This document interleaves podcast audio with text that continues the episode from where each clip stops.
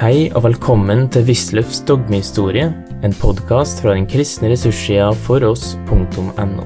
Med gjennomgang av Den kristne kirkes dogmehistorie av tidligere professor ved Menighetsfakultetet, Carl Fredrik Wisløff. Og så kommer et veldig haglevær, og så faller mye til jorden. Det er altså en, en brist, en mangel, men ikke en slik fordervelse som den tradisjonelle teologi lærer, for ikke å snakke om den lutherske teologi lærer. Og Følgelig så eh, lå der ikke på barna noe som helst som skulle gjøre nødvendig med sakramental gjenfødelse. De trenger det simpelthen ikke. De trenger ikke syndenes forlatelse før det blir gjerningssynder. Det er et svinglis grunnsyn som er ført slik vi går over du, til å tale litt om eh, eh, de såkalte spiritualistene. Og Det er en helt annen åndstype. Eh, mens altså døperne i grunnen var veldig nøye på ytre former og mente at det kristne liv hadde sitt kjennetegn i bestemte ytre former. Kirken, eh, ikke minst også kirketukt og bestemte embeter som de skulle ha, så var spiritualisten av den mening at alt utvortes er i grunnen ganske likegyldig. Eh, det er en av de ting som Luther stadig har for øye når han klager over og polemiserer imot svermerne.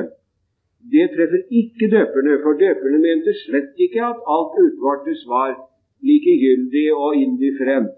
De ville ha en bestemt form. men Spiritualistene, som vi kaller dem, de hadde denne oppfatning. Her står vi med andre ord overfor to forskjellige tanker om hva ånd er. Eh, ifølge døperne så utfolder den kristne ånd seg innenfor de retningslinjer, former, arbeidsformer som Den hellige skrift angir. Ifølge spiritualistene er ånd motsetningen til alt utvortes. Kirke, presteskap, sakramenter, i virkeligheten alt mulig sånt. Det ble ført en livlig polemisk feide på, litterær feide på reformasjonstiden mellom to store menn, og det var spiritualisten Schwenkfeldt og døperen Pilgram Marbek. Den striden kalles for Del Damen-krig, fordi at de to herrer hadde hver sin adelige, høytstående dame til uh, vellynde og til å bekoste trykking av skrifter. En ytterst forunderlig litterær feide den mellom disse to, men den er veldig lærerik. Uh, det, der ser en helt opplagt hva det er for noe, de, hvor de står imot hverandre.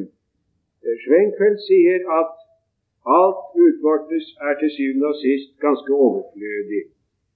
Eh, vi tjener Gud ikke i bokstaven, men i Åndens nye vesen. Bokstaven slår i hjel, og Ånden gjør levende. Og Pilgram Marbek han hevder det motsatte synspunkt. Eh, det er slett ikke sånn at de ytre ting er likegyldig. Det er tvert om sånn at Gud dog har gitt oss å eh, holde seg til at vi skal holde oss til visse ordninger. Det er også en annen, eh, Dirk Phillips, hollender Phillips, han sier at å tilbe ånd og sannhet, dvs. Si å leve i Herrens ord, som er ånd og liv. Ja, der, der har vi døperne. Eh, å tilbe i ånd og sannhet, dvs. Si med etter Schwenkfeldt å lukke øynene for alt utvartes. Nei, sa Dirk Phillips, å tilbe ånd og sannhet, det vil si å leve i Herrens ord. Og Herrens ord har dog sagt vi skal ha det sånn og sånn og sånn. Eh, her har vi to ganske forskjellige holdninger. Eh, det mest kjente av disse spiritualistene var eh, det som allerede her er nevnt, Schwenkfeldt, som var en adelsmann fra Slesien. Han hadde store tanker om seg selv. Han oppsøkte Wittenberg og ville diskutere. Og uh, Luther ble hjertelig lei av han. Han reiste omsider til til Strasbourg, hvor han oppholdt seg lenge, og han har skrevet en masse bøker. Eh, hans samlede verker, som er trykt i en moderne kritisk utgave av beundrere, han har sine tilhengere faktisk til denne dag, er en serie på 20 veldige bind. Hvis den er helt avsluttet, jeg er ikke riktig sikker på hva den er. Og så har vi Sebastian Frank, som ikke er mindre betydningsfull. Eh, Sebastian Frank han eh, vil ikke høre til noe parti, sier han. Han vil ikke være Han, han vil verken være luthersk eller, eh, eller noe annet. Og det har han gitt skriftlig uttrykk for i en berømt sang, et dikt, som jeg skal få lov til å lese noe av for dem. Von vier zwieträchtigen Kirchen, deren jede die andere hasset und verdammet. Ich will und mag nicht päpstlich sein. Der Glaub ist klein bei Mönchen und bei Pfaffen.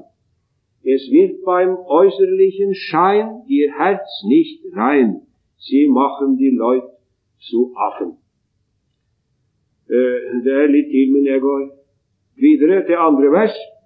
Ich will und mag nicht lutherisch sein. Ist Trug und Schein sein Freiheit, die er lehret. An Gottes Haus sie nur abbricht und bauet nicht. Das Volk wird mehr verkehret. Er lehrt, glaub, glaub, macht damit taub und werklos Leut. Am Tag liegt's heut, kein Besserung man höret. Ich will und mag nicht zwinglich sein, sind auch nicht rein. Ihr Glaub lässt sich nicht beschirmen. Kein Wiedertäufer will ich sein. Ihr Grund ist klein, steht auf dem Wassertaufen. Die anderen Sekten schrechen's ab, da kein Gott gab, in besondere Kirchen laufen. Eine jedes an jede Sekt sich Christi rühmt, sich mit verblümt, doch nicht auf rechte Straßen. Og så i siste verset. Wer nun in Gottes Reich will gehen, gehen der flieht davon, nach Christus soll er trachten. Er bleibt in Demut und Geduld, sucht Christi Hund, lässt sich die Welt verachten. Det er typisk for spiritualisten. Vil ikke høre hjemme noen steder, det er bare sekter alt sammen. Og det er så mange av dem, så, så vi vil ikke høre hjemme noen steder. Det er en åndsinnstilling som jo i virkeligheten har bidratt enormt til å skape stadig flere uh, sekter ut fra den betraktning at her er så altfor mange av dem, så starter vi en til. Uh, men uh, holdningen hos ham er akkurat denne at det er jo så likevel ingenting med noe av alt dette. Og Etter hans syn så er f.eks. sakramentene det er ikke noe annet, sier han, enn eh, leketøy som Gud hadde gitt sin menighet på jorden mens den var liten og barnslig. Det er ikke meningen at vi skal fortsette å ha disse tingene med sakramenter. Det burde vi være vokset ifra for lenge siden. Og i virkeligheten, mener han, så er det et stort spørsmål om Den kristne kirke overhodet fins på jorden. Der deler han syn med døperne i betraktningen av Kirkens historie som et uhyre fall. Eh, så har vi eh, vil jeg nevne også de såkalte evangeliske rasjonalister, antitrinitariere. Det er en ganske merkverdig sak at uh, i Italia, en, av en eller annen grunn, så ble lederne av den protestantiske bevegelse meget ofte antitrinitariere og rasjonalister. Det fins et brev av Calvin hvor han reflekterer over dette besynderlige faktum at italienere skal være så lite å stole på i så måte. Det er i hvert fall et faktum at det er en rekke av dem som gikk den veien. Eh, en av dem eh, som forble formelt innen Romerkirken, var Joan Valdez dens berømte kristne alfabet, som er en samtale med fyrstinne Julia Gonzaga, en av de eh, mange teologisk interesserte damer i samtiden som ble vel, vel berømt. Hun var nå for øvrig også berømt av en annen grunn. Hun ble, var gift tidlig ble ganske snart enke, og var berømt både for sin formue, sin skjønnhet og sin framhet. Hun var på nære nipen blitt kidnappet av en sjørøver som de kalte Barbarossa, eh, som hadde tenkt å forære henne til sultanen, hvem han syntes han skyldte en oppmerksomhet. Eh, det ble til alt hold avverget i aller siste øyeblikk. Så var en meget berømt dame, dette. Og han, eh, den Valdez har dedisert boken til henne, og den fremtrer i form av en samtale med fyrstinne Julia. Ifølge Luthers syn altså, så er forpliktelsen på Skriftens ord det avgjørende. Overfor paven og overfor spiritualistene så hevder han dette at de vil tolke Skriften etter sitt eget hjerte. Paven har alle retter i sitt hjerte. Skrin, står det i smalkaldiske artikler. Eh, og spiritualistene likeledes, de vil eh, sette de klare Guds ord ut av betraktning. Eh, jeg har sitert her en tirsrede eh, ita Schwenkfeldt post quam dium ecum disputasset dixit herr doktor ir must divort hoc est corpus meum aus der Augenton deinde conveniemus. Efter at vi har diskutert lenge og vel, så sa han til meg, herr doktor, ordene 'Dette er mitt legeme, må De se bort ifra'. Så skal vi bli enige. Ita et papa fekit, qui sibi soli autoritatem expositionem et sententiam vindicavit. Det er en merkelig sak at innenfor det reformerte området, der eh, har radikale ånder en viss tilbøyelighet til å liksom gravitere i retning av den eh, døperske eller sekteriske holdning. Eh, om ikke de går så langt som til å forkaste barndommen og foreta hjemdåp, så er det allikevel på det hold en viss tilbøyelighet til, til, til, til sektdannelse, som skal ha en meget bestemt struktur, en bestemt form, sånn og ikke annerledes.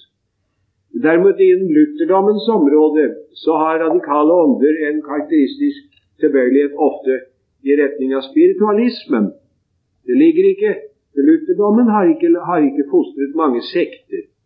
Man kan i høyden kanskje tale om at øh, Brødremenigheten er et kirkesamfunn som er ved en viss splittelse opptrådt på lutherdommens grunn, og dog er det bare så vidt man kan si det, for den bekjenner seg jo dog til Augustana og vil ikke oppsi kirkefellesskap med lutherdommen for øvrig. Ellers er det lite. Vi har noen lutherske frikirker i nyeste tid som er oppstått pga misnøye med folkekirkelige forhold, men heller ikke der kan man vel tale om noe eh, slikt eh, brudd at man intet samfunn vil ha. Man vet dog at man som lutheranere hører sammen i forståelsen av evangeliet. Eh, ellers så er det påtagelig veldig lite av dannelse av frikirker og sekter på luthersk område. Derimot en spiritualistisk tilbøyelighet kan man ikke se ganske bort fra. Og der er det store, klassiske eksempel Valentin Weigel, den lutherske prest på reformasjonstiden, som underskrev Concordie-formelen til og med fra begynnelsen av, men som, viste det seg på hans etterlatte skrifter, i all stillhet var ganske irrelevant innstillet overfor de fleste lærebegreper og lærte en indre spiritualistisk betonet fromhet. Nå går vi over til å se på lutherdommens eh, kodifisering av sin lære med, og den bekjennelsesskrifter. Der er det et interessant fenomen, altså at uh, vi har stadig den lutherske kirke. Uh, denne kirke har kalt seg med Luthers navn. Det fins ingen kalvinsk kirke. Det er i hvert fall en betegnelse som brukes høyst uegentlig. Man taler om den reformerte kirke, men ikke om den kalvinske. Det er i hvert fall ikke vanlig språkbruk. Men derimot eh, den, de kirker som holder seg til Augustana, kaller seg og kalles lutherske kirker. Luther selv var jo ikke noe henrykt over det, og har bedt om at man ikke skal gjøre det. I 1522 eine treue fermanum så allen Christen sich zu hüten vor Aufruhr und Empörung. Der heter det at uh, du narr, la meg få lov å be deg om noe. Uh, man skulle tie stille om mitt navn, og ikke kalle seg Luther, lutherske, men kristne. Hva er Luther? Læren er da ikke min, og jeg er ikke korsfestet for noen. Eh, Paulus i 1. Korintier 3. kapittel sa at han ikke ville at de kristne skulle kalle seg med hans navn, kalle seg uh, Paulisch og Peters, sondern Christen. Wie käme denn ich arme stinkender Maden sagt dazu, dass man die Kinder Christi sollt mit meinem heillosen Namen nennen. Nicht also, lieben Freund, Freund, lasst uns tilgen die parteiischen Namen und Christen heißen, des Lehre wir haben. Nå, Han var ikke riktig konsekvent selv, for det er ikke vanskelig å finne steder hos Luther hvor han taler om, om de lutherske, og mine lutherske og oss lutherske. Og I praksis er navnet ikke godt å unngå å unnvære. Allikevel er det jo en uh, merkelig sak at sånn har Luther sagt. Og det sa han naturligvis fordi det var milevidt fjernt fra hans og andres tanke at de skulle lage en ny kirke. Jeg har før lest for dem ifra Wider Hans Worst, hvor han sier det at hvis de kan bevise at jeg vil lage en ny kirke, så skal jeg gi meg. Og da skal vi komme, og så skal vi si pekavimus, miserere nostri. Vi har syndet, forbarm dere over oss. For det er på ingen måte tanken å lage en ny kirke. Nei, sier han der, som de vil kanskje huske, det er pavens folk som har laget en ny kirke, og så går han igjennom og taler om sakramentene og evangeliet og sier vi har den gamle dåpen og den gamle nattverden og det gamle evangeliet. Men eh, avlat og pavedømme og helgentilbedelse og jomfru Maria osv. Hvor stedet das geschrieben? Wer hat euch befohlen? Uh, det er det nye. Det er dere som har laget en ny kirke, ikke vi. Wir sind die rechte alte Kirche, mente han. Og Augustana går jo veldig langt i den retning i det det jo nemlig heter Tota dissensio este paucis quibustam abusibus. Hele uenigheten dreier seg om noen få misbruk. Nå er misbruk her eh, i sammenhengen og på latin et sterkere ord enn det kunne høres ut for oss, kanskje. Allikevel er jo uttrykket temmelig avsvekkende og veldig forsiktig. Eh, nå skal vi der, som i mange andre sammenhenger, være oppmerksom på den enkle ting at de som skrev Augustana og la det frem Det var jo første rekke Melanchthon som skrev den. I 1530 for keiser Karl på riksdagen i Augsburg. De tenkte seg i første omgang ikke at dette skrift skulle være et bekjennelsesskrift for et eget organisert kirkesamfunn. Det må man ikke glemme. Det fantes ikke noen luthersk kirke i 1530. Ikke på noen som helst måte gjorde det det. Eh, det var Kirken som sådan man tenkte på. Og hvis man vil forstå bekjennelsen historisk, så kan man ikke komme bort ifra dette som jeg her sier. Men altså, Lutherkirken da, eh, fastslår da sin lære i Confessio Augustana som nokså snart ble betraktet som et bekjennelsesskrift. Eh, da det var lest opp og levert til keiser Karl, så ga han det til sine teologer og ga ordre om at man skulle forfatte et motskrift. Det kom da i den såkalte confutatio, som betyr gjendrivelse. Det var Eck og Faber og Cochleus og andre, noen andre kjente teologer som skrev det. Og Det ble da lest opp for keiseren, og det hørte mens de lutheranerne hørte på, men de fikk ikke noen, eh, noen kopi i første omgang, og var vanskelig stille. Det var imidlertid tatt notater, og så skrev Melanchthon da på grunnlag herav en apologi eh, til Confessio Augustana. Den er et svar på denne confutatio eller refutat, refusatio. Confutatio er det vanlige betegnelse. Eh, og så kom de smalkaldiske artikler i 1537 og katekismene, som var skrevet på forhånd, og som først i 1560-årene fikk status som bekjennelsesskrifter. Eh, dette er det, det som den første generasjon av eh, lutheranere leverte. Men så i annen generasjon så kom de langt mer utførlige skrifter, Formula Concordia en lang og innviklet tilblivelseshistorie. Det er en generasjon av epigoner og kan umulig ha den vekt og betydning som de første skrifter. Vi må se det som en kommentar som hos oss for øvrig heller ikke har bekjennelsesstatus. Augustana var Melanktons verk og bærer hans åndspreg. Det var, er skrevet i en forsiktig avveiende form og det skal man ikke undre seg over. Det lå nå for det første for Melanchthon å skrive sånn, og for det andre så hadde de jo fått seg et alvorlig sjokk da de kom til, uh, til uh, Augsburg, den gangen til riksdagen. For da viste det seg at det forelå et skrift av Johannes Eck som het 404 teser. Og da Melanchthon hadde lest det, da ble han alvorlig forferdet. Det var et farlig anslag. Hva var det for teser? Det var ikke, eh, det var ikke X egne teser som han satte frem for å disputere over dem, som var tidens vanlige form, men det var sentenser som han hadde plukket ut ifra reformatorenes skrifter.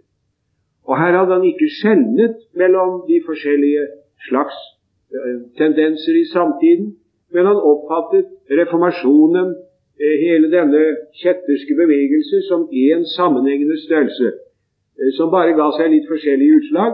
Og dermed så siterte han side om side Luther og Melanchthon, Svingli og Ekolampadius og forskjellige døpere, Hopmeier til og med, som jo var brent som kjetter på dette tidspunkt, Stadler og Hans Denk og mange andre som nektet treenigheten, f.eks.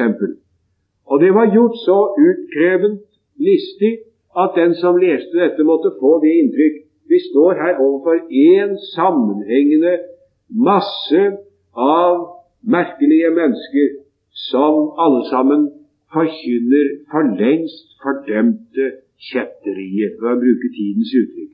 For lengst fordømte kjetterier. Det kan man ikke. Da er man selv kjetter. Og hvorfor var dette så farlig? Jo, fordi at hvis Eck hadde rett i den påstand som han herved framsatte, så skyldte ikke keiseren noe hensyn til de evangeliske.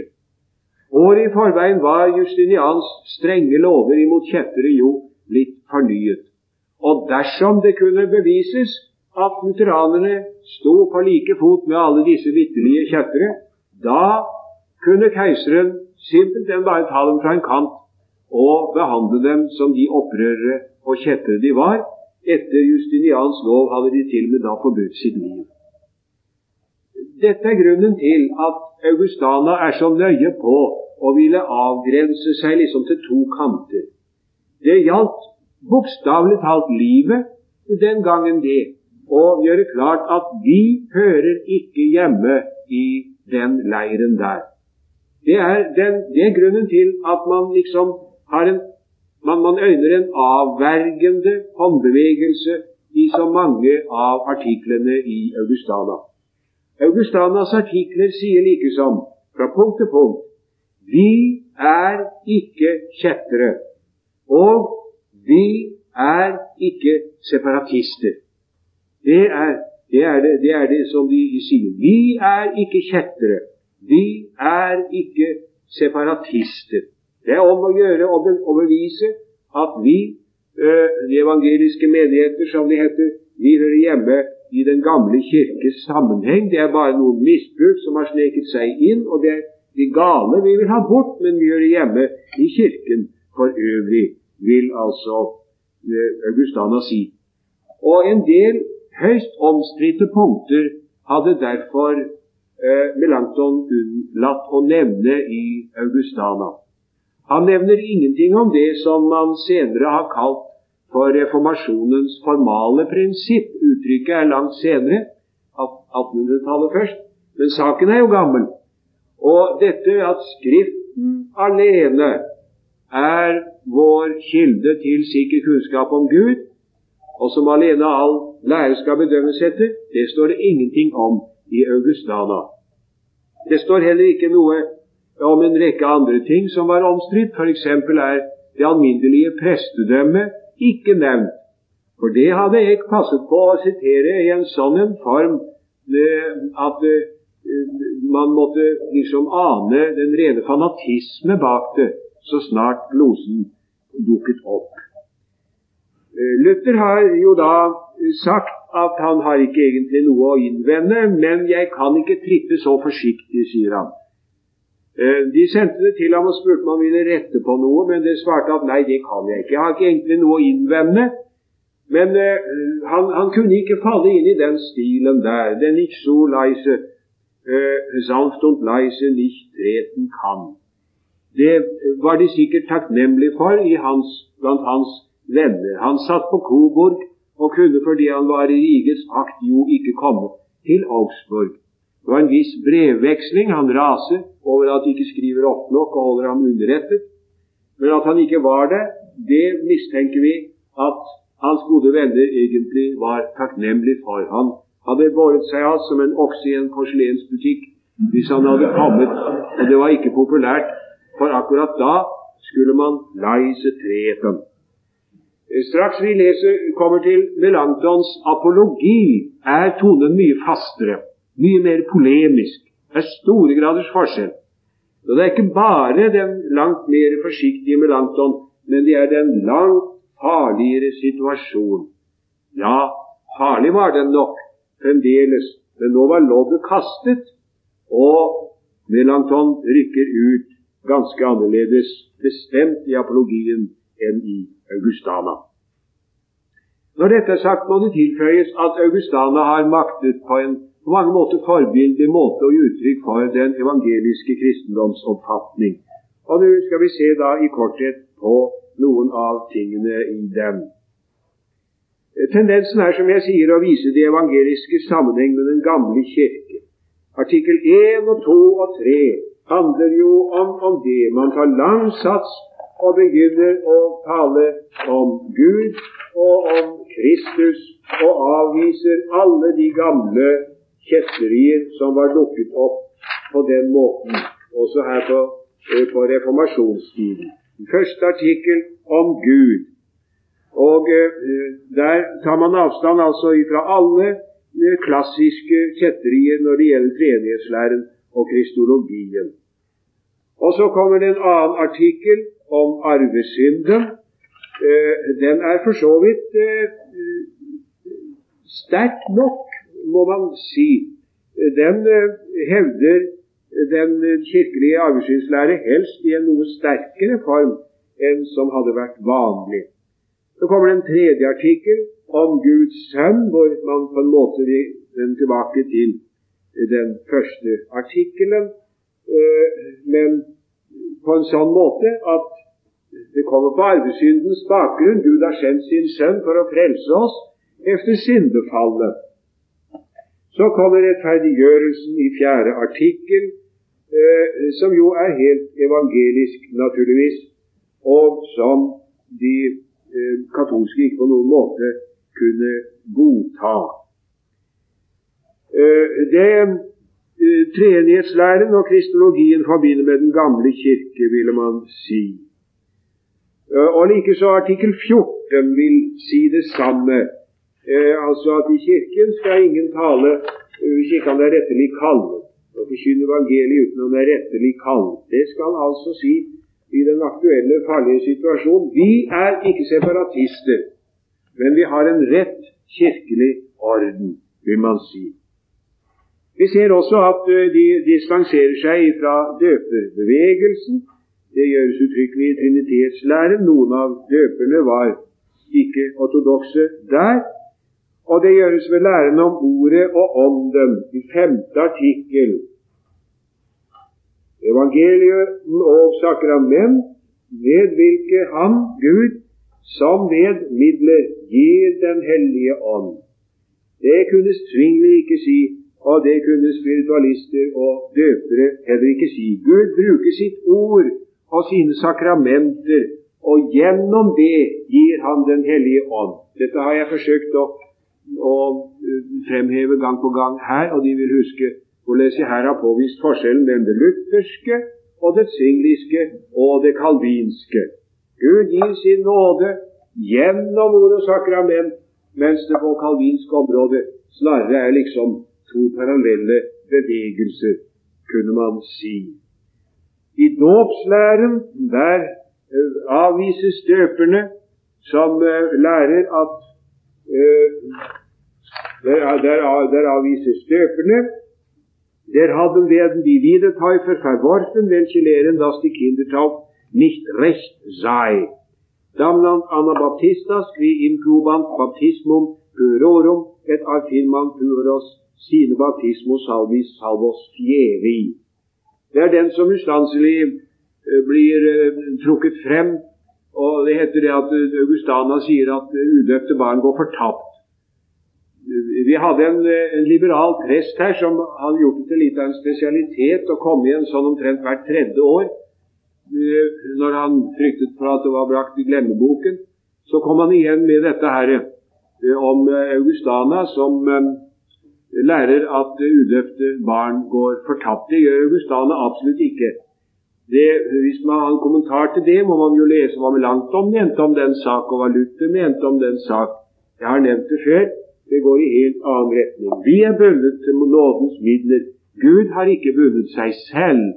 Og vi kan tro at han har en annen vei for dem. Uh, og så er det i uh, læren om øvrigheten så har, de, har man reservert seg imot døperne, uh, nemlig at øvrigheten er Guds, Guds tjener, og eh, at eh, en kristen ikke skulle kunne være øvrighetsperson. Det mente eh, de døperne egentlig, de, de, de virkelige døpere, sveitsiske brødre og de som hørte i samme retning. De mente, at, de mente nok også for så vidt på en måte at øvrigheten var i Guds tjeneste, men, men en kristen kunne ikke være øvrighetsperson. For øvrigheten måtte jo bruke makt og om nødvendig uh, dømme folk fra livet. Og det kunne en kristen ikke gjøre. Her, her jo, er jo det lutherske syn jo da et ganske annet. At en, at en kristen kan komme i betraktning etter det amt han har, det embetet han har. Og han kan ha mer enn ett et amt. Som privatmann kan han vende det venstre kinn til om han blir slått på det høyre kinn men som den der opprettholder orden i samfunnet, kan han ikke gjøre det. En dommer som går hjemmefra og blir fornærmet av en mann på sin vei, han kan tilgi det hvis han, det bare gjelder ham selv. Men når han sitter på dommerens stol og skal eh, dømme i en sak hvor en er blitt overfalt og mishandlet, så kan han ikke på samfunnets vegne tilgi eh, den som har forøvet, forøvet udåden men han må eh, felle dom over ham etter samfunnets lover, og det skal en kristen ha rett til å gjøre. Det er den lutherske lære. Og likeså i læren om, eh, om eh, eschatologien, tusenårsriket og fortapelsen, det er artikkel 17. Jo, eh, artikkel 17, hvor det står om Kristi gjenkomst til dom. Eh, her eh, forkastes gjendøperne, som lærer at djevelen og de fordømte mennesker ikke skal lide evig pin, pine og kval. Det gjaldt ikke alle døpere, men det gjaldt noen enkelte av dem, f.eks. Hans Benk, eh, som lærte apokatastasis. Det, som regel jo, lærte døperne ikke det, men noen av dem gjorde. Og her er det da også at Eh, tusenårsriket blir, blir, fordømt.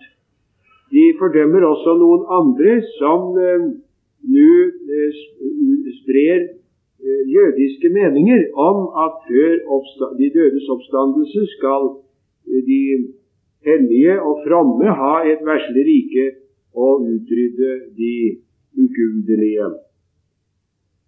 Som følge derav har Den lutherske kirke følt seg forpliktet til å avvise læren om et kommende tusenårsrike i en hvilken som helst form. Det er dog et spørsmål om det i og for seg er meningen. Det står om judaikos opiniones. Det er visse definerte meninger om uh, et kommende tusenårsrike som forkastes, nemlig en sånn mening som går ut på at de kristne med våpen i hånd skal uh, ta makt i verden og undertrykke de ugudelige. Den form er forkastet. Den hadde man hatt noen spredte tilløp til, og den kom jo med redsel av gru noen år senere i katastrofen i Münster, som jeg nevnte i går. Men om det kunne tenkes andre former altså for en lære om tusenårsriket, om det behøver å være uluthersk, om det har man senere, i senere tider hatt høyst forskjellige meninger. Men øh, om man da, ja, og nattverdlæren, naturligvis. Øh, overhodet sakramentlæren. Det er eh, Disse artiklene som taler om det, er jo også formet sånn at man distanserer seg mot fra svingli og ifra døperne. Og Det er veldig viktig å gjøre det. Det er jo de punkter hvor man ikke kunne på noen måte fallere. Artikkel 9 om dåpen og eh, artikkel 10 om nattværen er der svært viktige. Men eh, ikke desto mindre er eh, Confessio eh, Augustanas reservasjon overfor papistene, som han sa, overfor den katolske kirke, som vi sier, meget sterk. Det er sant at Augustana er forsiktig i sin form, men vi må ikke snakke så mye om denne laissenheten at vi glemmer her er da bestemte standpunktmarkeringer også. Eh, F.eks., som jeg allerede har nevnt, i artikkel 2, som står der for å markere en sammenheng med Den gamle kirke, så står allikevel eh, arvesynden forklart på en sånn måte at man eh, reserverer seg overfor den tradisjonelle teologi. Eh, de lærer heter det at etter Adams fall så blir alle mennesker født med synd. Det vil si sine metudei, sine fiducia erga deum et kun concupiscem. Ja, jeg skulle tilråde at man pugget den ramsen der, har fort gjort. Nascantur cum peccatur, hoc est sine metudei, sine fidet, sine metudei, eh, et eh, cum concupiscentia. Man fødes med synd, dvs. Si uten frykt for Gud, uten tillit til Gud, men med ond lyst. Den tradisjonelle katolske oppfatning var at eh, konkupiskentia er ikke synd etter dåpen, det er bare nøytrale fomes, skal det stå der i punkt 7. Der kom til en R som skulle strykes. Eh, fomes, altså eh, knusk som lett kan komme til å brenne, betyr det jo. Melankton mener han har tradisjonen rett forstått for seg. I apologien sier han det, det har han vel knapt rett i. Men han mener han har Skriften for seg, og det tør vel vi mene er riktig i hvert fall. Eh, om frelsen gir Augustana en veldig klar og, og grei evangelisk forståelse. Det var jo det som ikke minst lå disse fedrene på hjertet. Og der skal vi merke oss eh, ikke minst eh, det i apologien som står om lov og evangelium, og om opplevelsen av, eh, av frelsen. Det, det, er, det er evangelisk-luthersk kristendom på det aller klareste. Her står det om loven som uh, setter oss overfor Guds krav og åpenbarer Hans hellighet for oss, slik at vår samvittighet blir forferdet. Og så kommer evangeliet og forteller oss om den fullbrakte frelse i Kristus, og vekker troen i hjertet. Lex semper accusat nos semper ostendit i raskideum. Uh, eh, non igitur diligitur deus nisi postquam apprehendimus fide misericordiam ita demum fit objektum amabile. Og det er, det, er, det er, i disse korte setningene hele den evangelisk-lutherske forståelse av frelsens tilegnelse. Loven anklager oss bestandig og viser oss at Gud er vred, og at han vil straffe synden. Og vi kommer aldri til å elske Gud før vi med troen har tatt imot Guds barmhjertighet. Da blir Gud et objektum amabile, ein lieblich selig anblick, står det i den tyske teksten av Justus Jonas. Ja, akkurat sånn er det. det.